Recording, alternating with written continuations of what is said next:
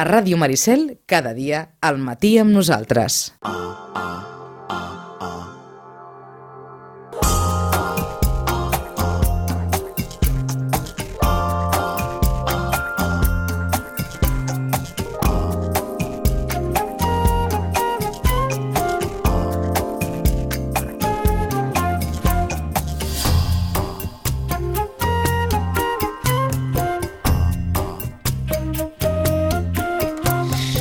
Si La gran desmemòria i ara el llibre més venut en assaig en castellà, ara això, vaja. O, o Pilar Urbano va tenir un sisè sentit, o la vida li ha posat en safata de Pilar Urbano, vaja, una circumstància d'aquelles que farà que el llibre encara es vengui una miqueta més, probablement. Saludem a Rosana Lluc a l'altre costat del fiu telefònic. Rosana, bon dia i bona hora. Hola, molt bon dia. D'assajos sobre el rei, tots els que vulguem, no? Sí, el que passa que s'ha de reconèixer que no, no sé si ens interessen gaire per, per aquí, eh? Mm. De fet, eh, hem de reconèixer que ara hi ha la Fira del Llibre a Madrid mm? i això fa que eh, bastanta cosa es traslladi cap allà. Entesos. Eh? En qual, de tota manera, mm, es ven molt aquí el llibre de Pilar Urbano? Sí, es va vendre. Sí, es va moment, vendre. La veritat és que la primera edició va ser un, allò, un vist i no vist, o sigui, va sortir el llibre i de seguida es va notar, etc etc. però és cert que ara doncs s'havia estabilitzat, no? Vull dir, s'havia estabilitzat. És un llibre mm, bueno, mm, amb moltes pàgines, si te'n recordes que ho vam Mhm, dir, i i, clar, eh, t'ha d'interessar el tema, amb... i sí, la veritat és que és un llibre per, eh, per tenir-lo allà, no? per anar-li fent una ullada, etc. Mm. El que passa que potser ara nosaltres que estem això, no? Nosaltres que estem ja cap a... estem pensant només en el novembre, Mhm. eh, potser ara no és el, el que més venem. Creus, però, que arribarà un, no sé, arran de, de la coronació de Felip VI, de l'abdicació del rei, que arribarà una tongada de d'assajos sobre la monarquia? Ni, ni, ni en, bueno, totes les editorials, saps a dir, que ens han començat a enviar tot el que tenen ells, és a dir, saps allò? D'acord. Tot això és el que hi ha sobre el rei, tot això és el que hi ha sobre el rei, però deu ser que no, no sentim aquesta falera per aquí, i, i una cosa és no? tenir bibliografia, però potser tanta tampoc no sé si, si els lectors estan tan assedegats Mhm. de, de bibliografia sobre, sobre el tema, no? D'acord. Per què? Pues perquè moltes vegades el que hi ha és molta bibliografia no tan crítica, no? Mhm. sinó més aviat doncs, de biografia, saps allò... Tot tirant una mica rosa, no? Ah, sí, sí, sí, i això sí que Mm, et puc No, assegurar que el lector no està gaire interessat. no, no està gaire per, per això, no, eh? no, la En- és que no. En aquest cas, potser, si algú s'ha de llegir una biografia així més rosa, busquem, evidentment, no, no el rei, sinó una persona com la Letícia, saps? Mhm. eh, més rosa encara. no? D'acord, segurament però aleshores ja ens desmarcaríem estrictament de l'assaig més o menys d'investigació. Ah, exacte, sí. I sí, ja ens sí. passaríem a un Eh, altre- No dir que no, que no es vengui, eh? No, sí, no. però vull dir que no, no en aquell...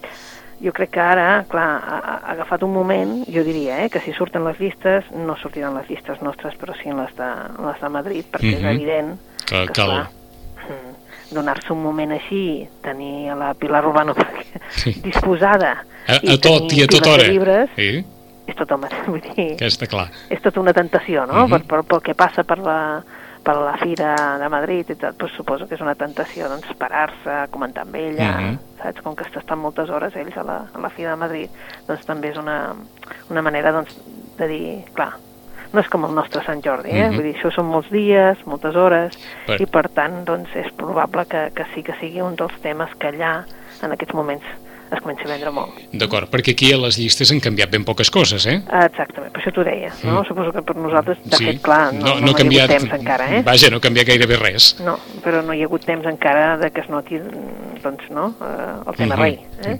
En ficció en català, l'analfabeta que va salvar un país, de Jonah Jonason, en primer lloc, Desig de xocolata, Care Santos, l'altre de Marta Rojals, o La mirada dels àngels, de Camila Lackberg, que entra dins de la llista, però que ja ens l'havia comentada la, la Rosana en més de- en ocasió. En ficció en castellà, Les tres bodes de Manolita, del Modena Grandes, que també la vam comentar, l'analfabeta en segon lloc, La mirada de Los Ángeles, de Camila Lackberg, en tercer lloc, o la lista de Frederick Forsyth, que també en el seu dia la vam comentar. Entren, i en no sé si l'havíem comentada, l'increïble viatge del fakir que, de Romain Puertolas, l'havíem comentada? Jo diria que no, no? No, No. no, no. Uh, Que no sé si això ha estat una sorpresa o no ha estat una sorpresa, perquè eh, totes aquestes, ara no sé què passa amb els llibres que tenen la increïble història, la no sé què història, no sí, sé sí, què. bueno, però aquesta és bastant increïble, eh? aquesta, per exemple, és bastant increïble, no? És a dir... que, un- eh, és que és clar, eh? De, el, el resum, en tres línies, un fals fakir que viatja a París per comprar a un Ikea un llit de claus. Sí, exacte, vull dir, clar, li han dit, eh, ell veu que, que, que això és, eh, que, que, que el que necessita de debò està allà. Llavors se'n va a Ikea, clar, entra en un Ikea i, esclar, queda bocabadat. Se'l pot mm, entendre, ell ve de la Índia, se'n va cap a París eh, i, i queda bocabadat, vull dir, llavors, clar, se li fa tard, vull dir, se li fa tard a dintre i es queda dintre de- d'Ikea quan tanquen. Llavors, bueno, eh, com que veu que hi ha doncs, vigilàncies, es posa de, dins d'un armari. Això per resumir-t'ho, eh? Es posa dins d'un armari i, esclar, aquell armari resulta que, doncs, que l'havien d'enviar cap a un altre lloc, es, es troba dintre de- d'un camió, eh? Que s'emporta aquest armari on està ell dintre, Sí. doncs es troba dintre un camió, amb, bueno, immigració il·legal, tot el que et puguis imaginar, amb un to d'humor, no? Perquè, esclar, ell, a partir d'aquí, doncs ell també viatja. Està clar. Doncs és això, per això és increïble el En, viatge. Eh? en sabíem alguna cosa d'aquest autor? No, no, No. és un autor francès eh, Mhm. i, i la veritat és que allà aquest títol ha tingut molt d'èxit. Aquí l'èxit va ser, doncs bé, el típic de- de- de- d'abans de, de Sant Jordi com a novel·la divertida, etc però no massa més. Eh? Sí, tenien en castellà i en català, la, la Mondadori Rosa Vents el va fer en català, però esclar, saps allò que dius...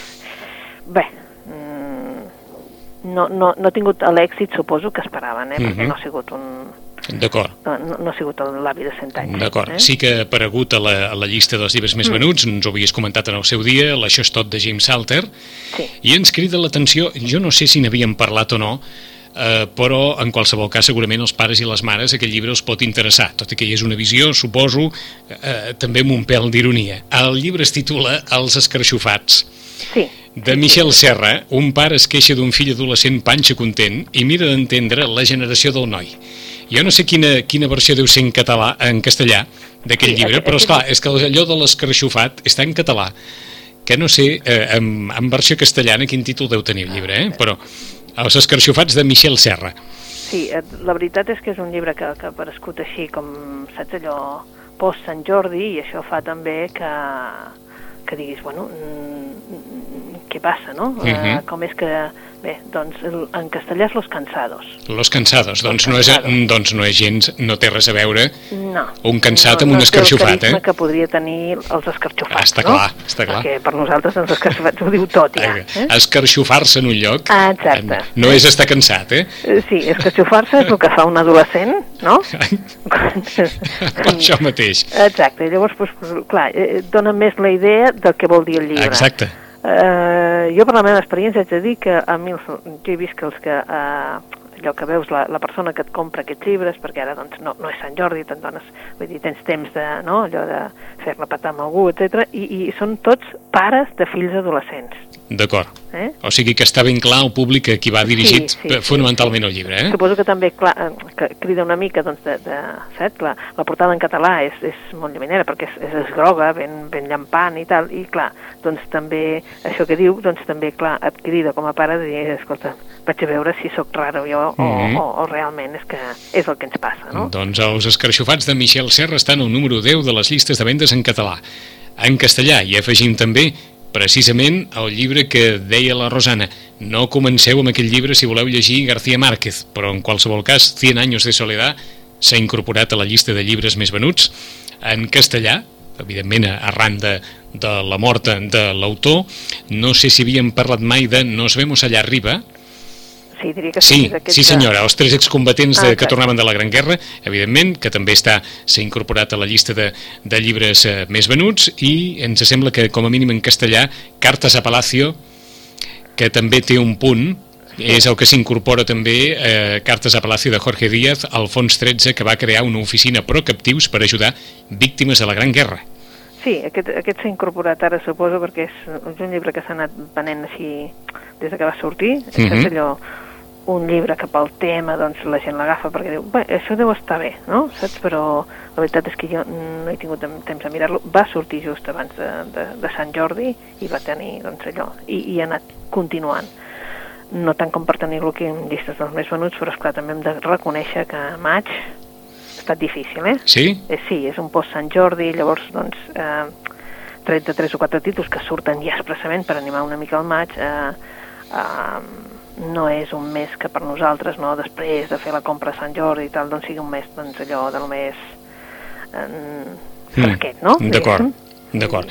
Doncs abans de passar a les recomanacions de la Rosana, ràpidament, aquesta llista tan heterogènia dels llibres de no ficció en català, que comença per Si Beethoven pogués escoltar-me, de Ramon Gené, el presentador d'òpera en texans, segueix per Les ulleres de la felicitat de Rafael Santandreu, Queen amb Joan Roca, un dos germans Roca, els set pecats capitals de la justícia del jutge Santiago Vidal, de l'home que ha estat, vaja, que li han tocat la cresta arran de, doncs, mira, d'aquesta distracció d'anar construint una Constitució catalana i anar-la escrivint amb un grup d'amics, doncs Santiago Vidal, els set pecats capitals de la justícia estan al número 4. En el número 5, segurament aquest també és un llibre amb morbo afegit, Modernet de merda, el manual, eh, de Fanbooks, aquesta crítica afectuosa d'un tuitaire, d'un tuitaire anònim a la tribu urbana i molt heterogènia dels hipsters. Doncs el llibre es titula Modernet de merda, el manual. Com ser bon català, de Quim Morales, en sisena posició, Les dones de 1714, aquest assaig de Patricia Gabancho, de la periodista Patricia Gabancho, el llibre de Jaume Barberà, que ja va ser un dels llibres més populars per Sant Jordi, 9N 2014, i al final queden, diguem-ne, les, les biografies o les memòries de Joaquim Nadal, testimoni de càrrec, i de Martí Anglada, el qui va ser durant tants anys corresponsal de TV3, La Via Alemanya. Aquesta és la llista dels llibres més venuts d'assaig en català. Recomanacions de la Rosana Lluc. Per on comencem, Rosana? Doncs mira, mm, si et sembla comencem per alguna cosa que, que ens faci, dist... bueno, que ens distregui, que ens distregui i que, i sé, que és el segon llibre que ja tenim uh, d'aquesta autora, de Delafil, d'una autora que ja va escriure Una dama de províncies. Uh, publica llibres de l'asteroide i llibres de l'asteroide normalment que si se li pot dir que potser no ens ha interessat el llibre però que no se li pot dir és que no ens escolleixi llibres molt ben escrits. En aquest cas, una dama de províncies ens presentava una senyora del període de, de, de guerres, diguéssim, postguerra també, en definitiva una senyora d'aquestes de classe mitjana alta, que la seva gran feina era portar la casa de tal manera que ella el que portava eren els comptes, els comptes perquè eh, la seva gran feina era sobretot, sobretot que no se n'anés la cuinera, perquè era evident que ella no volia entrar a la cuina. Uh -huh. eh? I també doncs, tenia una amiga a, a Londres, que era el seu gran drama, no està a Londres, eh? i que era la Rose, i que clar, ell el que enyorava era la vida de la Rose ell el que té és, és un marit, que és el que treballa i el que porta els diners a casa i el que mm, no està gaire d'acord en la vida que porta ella, i té dos fills, una nena, que és la que té una, una cuidadora a casa, i un noi, que, un nen que ja li va a escola, diguéssim, i està intern. Uh -huh. uh, després d'un petit èxit d'aquesta dona que ha escrit un diari, etc, doncs resulta que ja, ja es pot dedicar una mica més a fer la vida que ella voldria, no? I, mm, bé, pot anar a Londres, llogar un apartament, per anar-se'n de tant en tant amb l'excusa de cada escriure. Eh? I el que vol, en definitiva, és viure una mica la, a respirar l'aire de Londres en el sentit de fer-se un lloc allà. Sí, fer-se un lloc en el, en el, en el món literari Sí. de, de Londres. Eh? Uh, bé, el seu diari doncs, què és? Doncs un reflexe d'aquesta societat, de, dels problemes que hi han, um, l'educació dels fills, a la casa, um, aquest marit que no l'acaba d'entendre, o una amiga que té i les seves aventures escandaloses. Eh? És com un relat, és, és com una fotografia d'una societat, una societat que no se n'adona del que està passant, en definitiva, de que hi ha tota una sèrie de gent que, que en diguéssim, que intenta sortir-se treballant molt i que ells doncs són una altra classe, una retrata, una capa social, eh? una classe, diguéssim, alta, eh?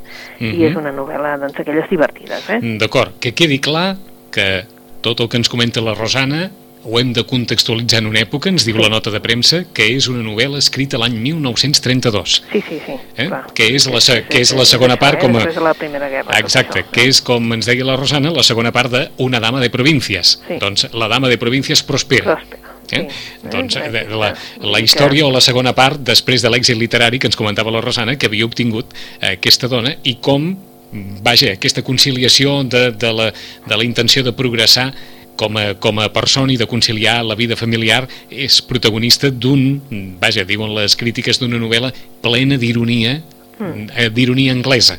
Sí, sí, perquè tu rius perquè, esclar, els seus problemes, és que, esclar, si, si veiessis quins són els seus problemes, clar, dius, mare de Déu, vull dir, no sap el que són problemes realment, eh?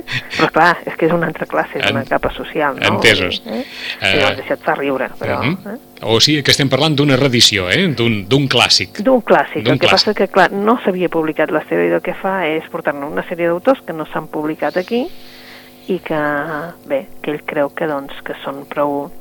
que tenen que, que, que poden tenir prou, molt interès. Prou interès, que tenen prou interès per tenir-los nosaltres traduïts uh -huh. a, al castellà, perquè el... l'asteroide normalment només publica en castellà. Mm -hmm. Doncs de I.M. Delafil, La dama de províncies, prospera, és el llibre que ens recomana la Rosana Lluc, els cridarà molt l'atenció, si ho compren és una portada, si se'n recorden d'aquells llibres, diguem-ne, dedicats especialment a les dones als anys 40, en què sortien aquells, aquells dibuixos de, dels figurins, doncs la, la portada és precisament això, una, sí. un, una dona vestint un, un abric amb un coll, amb un coll d'aquells de, de pell, Uh, i, i aquesta és la portada de La dama de províncies prospera, reedició d'un llibre de l'any 1932 que fa Libros de l'asteroide. Per on seguim? Seguim per un... Bé, ja saps que l'Eugènia Brogi va sortir d'editorial Empúries i va crear una nova editorial que es diu l'Altra Editorial. I de fet, clar, està intentant doncs, portar-nos des d'autors d'aquí, eh, diguéssim, de casa nostra, autors catalans, a autors eh, que ella considera que són imprescindibles, però traduïts no? al català. Uh mhm. -huh. L'altra editorial ens acaba de presentar El germà gran, eh? i del Lionel Schreiber. Clar, mm, en aquest germà gran el que veiem és doncs, un, un trosset de cintremètrica, no?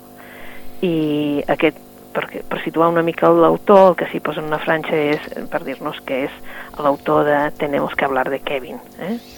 Sí, el, el, Lionel Silver el que es va fer és famós amb aquesta novel·la Tenemos que hablar de Kevin, però en tot cas ara amb aquest germà gran que també mm, s'ha traduït en castellà per anagrama, en Big Brother, eh, directament tal com, a, mhm. -huh. com estava, com és el títol, no?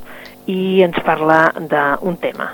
En definitiva, ens parla de les per resumir-ho molt, ens parla de les relacions familiars, del que suposa doncs, aquest retrobament de vegades entre germans quan un ja és gran, eh, d'aquesta mm, necessitat de dir manats de fer càrrec de l'altre, no? eh, del tema de l'obesitat i també de fins a quin punt pot salvar algú mm, d'aquests fantasmes que tots portem. Eh? Vull dir, són dos germans, la Pandora i l'Edison. La Pandora eh, ja fa quasi 4 anys que no, que no veu el seu germà, eh? uh mhm. -huh. perquè ella viu a Oregon, eh? ben casada, amb un home, allò que és un home d'aquells que està obsessionat amb l'esport, amb la vida sana, que es guanya molt bé la vida, que té una empresa pròpia, que tot s'ho ha fet ell... Va ser un home, tant, un home d'èxit, eh? Un home d'èxit, i un home que no està, per, saps, allò molt recte i que té les coses com a molt clares. D'acord. I en canvi l'Edison, que és el seu cunyat, doncs bé, doncs és un artista. És pianista, pianista de jazz, i evidentment ha portat una vida com a bastant inestable. D'acord. Mm, és a dir, l'home... sovint de lloc de viure, uh -huh. de tot, diguéssim. Eh? L'home d'èxit al costat de... bé, d'un artista. D'un artista. D'un artista que que com que no ha tingut ningú al costat, doncs potser ha posat una vida molt erràtica i a més a més doncs, eh, no s'ha cuidat gaire en cap aspecte. Un bohemi un bohemi, però és que és un bohemi que ha anat menjant, vull dir que s'ha anat trobant de, de manera que la seva germana, quan el va buscar a l'aeroport, no el reconeix. Per què? Perquè és que mm, porta 150 quilos a sobre. Caram. Sí, eh, era un noi, doncs, eh, un músic, ell la recordava, doncs, allò atractiu, uh mhm. -huh. prim, mm, i ara, doncs, és com, com tota una bola, no? Clar, eh, l'impacte a casa seva doncs, eh, doncs és, és terrible, perquè, és clar, eh, la poca mobilitat d'ell, eh, ser tan desmanegat, etc etc provoca doncs, a la casa doncs, tot un, eh, bastant... Eh, o sigui, que el germà d'aquest home d'èxit, apassionat per l'esport... No, el germà, el cunyat. El cunyat, perdó. D'aquest sí. home d'èxit apassionat per l'esport s'ha engreixat 150 quilos. Exacte. I es troba... En un període d'uns 4 anys, una cosa així. I es troba dins el mateix àmbit familiar, està Exacte, clar. s'han de trobar en el mateix àmbit perquè la seva germana doncs, decideix no, que visqui un temps amb ells Ahà. i, clar, tot això, imagina't les relacions, no? I, a més a més, clar, un bohemi, un mm, que no està disposat a, a, a no dir la seva opinió sobre els fills adolescents, que en definitiva són els seus nebots, doncs provoca un daltabaix mm, important en les relacions a la, a la família, no? Mhm. I això és la, el germà gran, no? Aquest és, aquesta novel·la, no?, que ens porta doncs, situacions doncs, bastant divertides, hilarants, però alhora també una reflexió sobre el tema no? d'aquest d'aquest tema que, que, que a Nord-Amèrica és, És tan eh, present. molt present, potser aquí comença a zero també, i és aquest tema de, de, de l'obesitat, Mm. enfrontat, també és veritat, amb el tema d'aquests que només viuen per l'esport mm? i pel seu cos. Ahà. O sigui que el germà gran no només té a veure Sí. amb l'edat cronològica, No, sinó amb el, amb el- amb, la, amb, la, amb el físic, eh? Amb el físic, eh? perquè amb el és gran, físic, eh? perquè és gran. perquè és gran. Per això suposo que en, en, en català, en castellà, Anagrama decidí que li posava Big Brother, D'acord, saps? Sí, sí, era tot, tot big, eh? entesos. Tot gran, eh? Doncs el germà de la Pandora, Mm. que arriba a casa seva amb 150 quilos de més. Sí, una, I- una proposta ja que ens fa l'Eugènia Broja per l'estiu, no? Per aquest, eh, perquè tinguem una, una Ahà. proposta entretinguda, però alhora no? Mm, que ens posa una sèrie de problemes a sobre la taula, doncs, que són aquests. doncs de moment ens has plantejat dos llibres que, tot i que eh, estan allunyats en el temps, un escrit als anys 30 i un altre acabat d'escriure, ens porten des d'un punt de vista en clau irònica dos temes molt, molt presents eh, en la vida quotidiana, Sí. la conciliació, vida laboral, familiar, etc etc, la obesitat o la passió per, per l'esport o la passió obsessiva per, per l'esport amb, amb l'altre. Eh? Per una banda, La dama de províncies prospera, per l'altra, Germà gran, de Lionel Shriver, acabat de sortir en l'altre editorial. Més. Més, doncs, eh, eh, mm, mm, ha sortit la Maruja Torres. Vinga. Maruja Torres, 10 veces 7. Mm?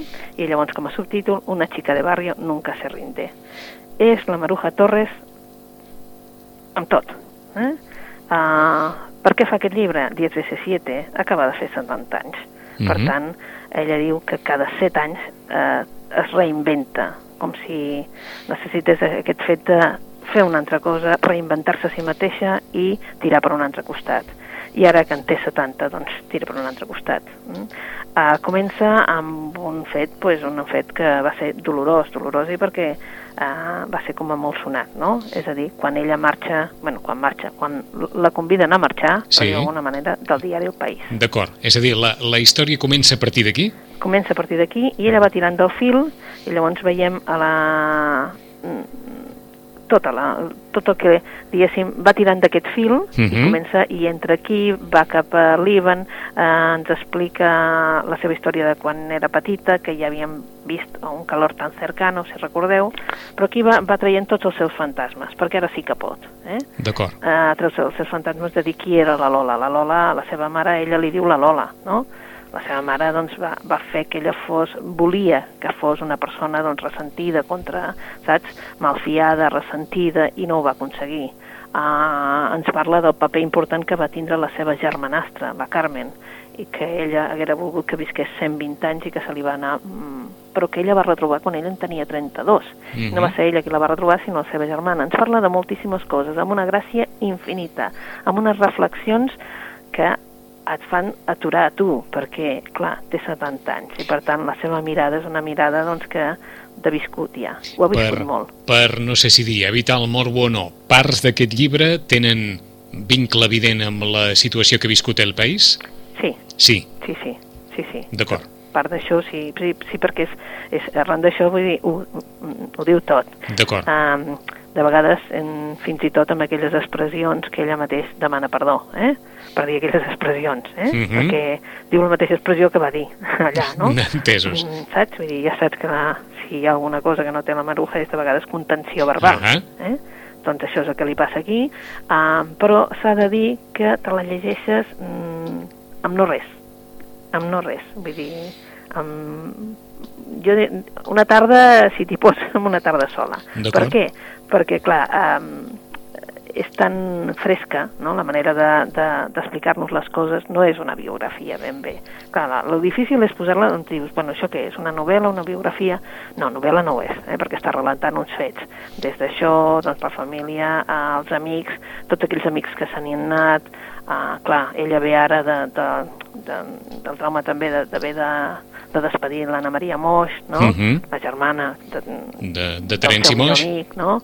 Mm, bé, encara no superat en la mort de, no? de, del, del bàsquet Montalbán, de, de l'Anna Maria, del Terenci, d'una sèrie de gent que ell ha anat deixant, esclar, enrere, i el que es troba, doncs, és que doncs, és tota aquesta gent que, que ja no hi és, Mhm. I que no tenen substitut, eh? que no tenen substitut. Que no tenen substitut. No? I llavors, bueno, i també, també tot aquest eh, eh, enyor del Líban, perquè ella veu que hi ha un moment que ha de marxar del Líban. Uh -huh. Per què? Perquè llavors tindrà el record, com a mínim guardarà el record, que si no veu que no tindrà ni allò, i marxa del Líban. I això també és tom, també un, un enyor d'haver de, de deixar una ciutat que estima i tornar a Barcelona, que és el seu lloc, no? Com la van rebre a Madrid quan va haver d'anar a Madrid, no? Qui ha deixat a Madrid, quina gent és important a la seva vida o ha estat molt important, i com rep les coses i les sap afrontar. En definitiva, doncs veus una, una Maruja Torres eh, asseguda en un sofà, eh, bueno, asseguda, ajaguda en un Sí. sofà, eh, en ple mar, no?, i tot de taurons pel costat, que ja ho diu tot, eh? Molt gràfic, eh? Molt gràfic, Molt eh? gràfic. Ella llegint així molt puesta i molt, molt bé. Eh, I al costat un mar de taurons. Un mar de taurons. Entre o enmig d'un mar de taurons. Enmig, sí, sí, exacte. D'un eh? mar de taurons, bueno, eh? Aquelles, eh, és, tal com diu ell, aquí hi ha la noia que als 70 anys l'únic que veus és una noia. La noia que va ser als 20 també hi és amb la dona dels 70. 70, cert? Llavors, evidentment, doncs té tota... I hi ha una sèrie de reflexions que, que a mi, la veritat, que haig de reconèixer, m'han agradat. Eh? Mhm. I, Maru. Això, no? Maruja Torres, 10 Diez veces veces 7. Una chica de barrio nunca se rinde. El llibre parteix de la marxa del país. O sigui que s'ho poden imaginar que després d'això una dona que està de tornada explica les coses tal i com li dona la gana d'explicar-les. Tenim el temps just per una última recomanació, Doncs Rosana. mira, eh, pels fans del Johan Theorin acaba de sortir per fi eh, el del Quarteto de Ouland ens faltava Verano i es acaba de sortir El último verano en la isla del Johan Theorin una novel·la negra, sí una novel·la sueca més, sí però és eh, un quartet d'Ouland els que ja estàvem llegint això, havíem llegit el, els, llibres anteriors La tormenta de nieve, La mancha de sangre o em sembla que era um, el,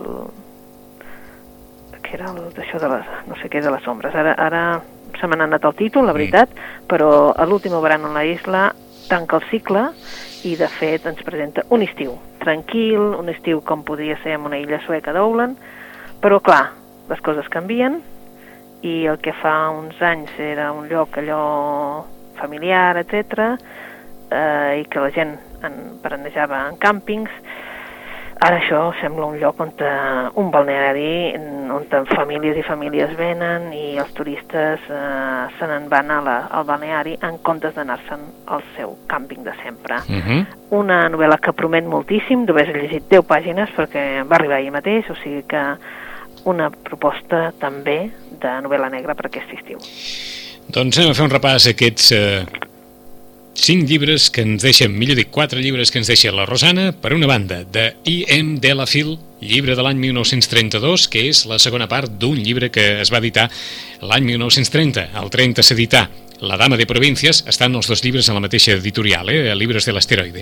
I el 1932 es va editar La dama de províncies prospera.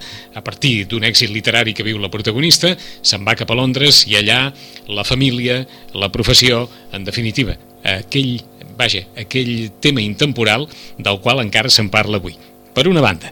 Per una altra, el germà gran de Lionel Shriver, la història d'aquest eh, d'aquest cunyat d'un home especialment dedicat i obsessionat per l'esport que arriba de la mà de la seva germana a casa seva amb 150 quilos de més. És un artista, és un músic, és un bohemi i es troba al seu costat a un home d'èxit que s'ha fet un self-made man, com tots els americans els agrada definir-se, un home d'èxit, un home emprenedor que al seu costat té un bohemi que s'ha engreixat 150 quilos i que li parla dels seus fills adolescents. Per tant, el llibre també té molts punts de reflexió des de la ironia.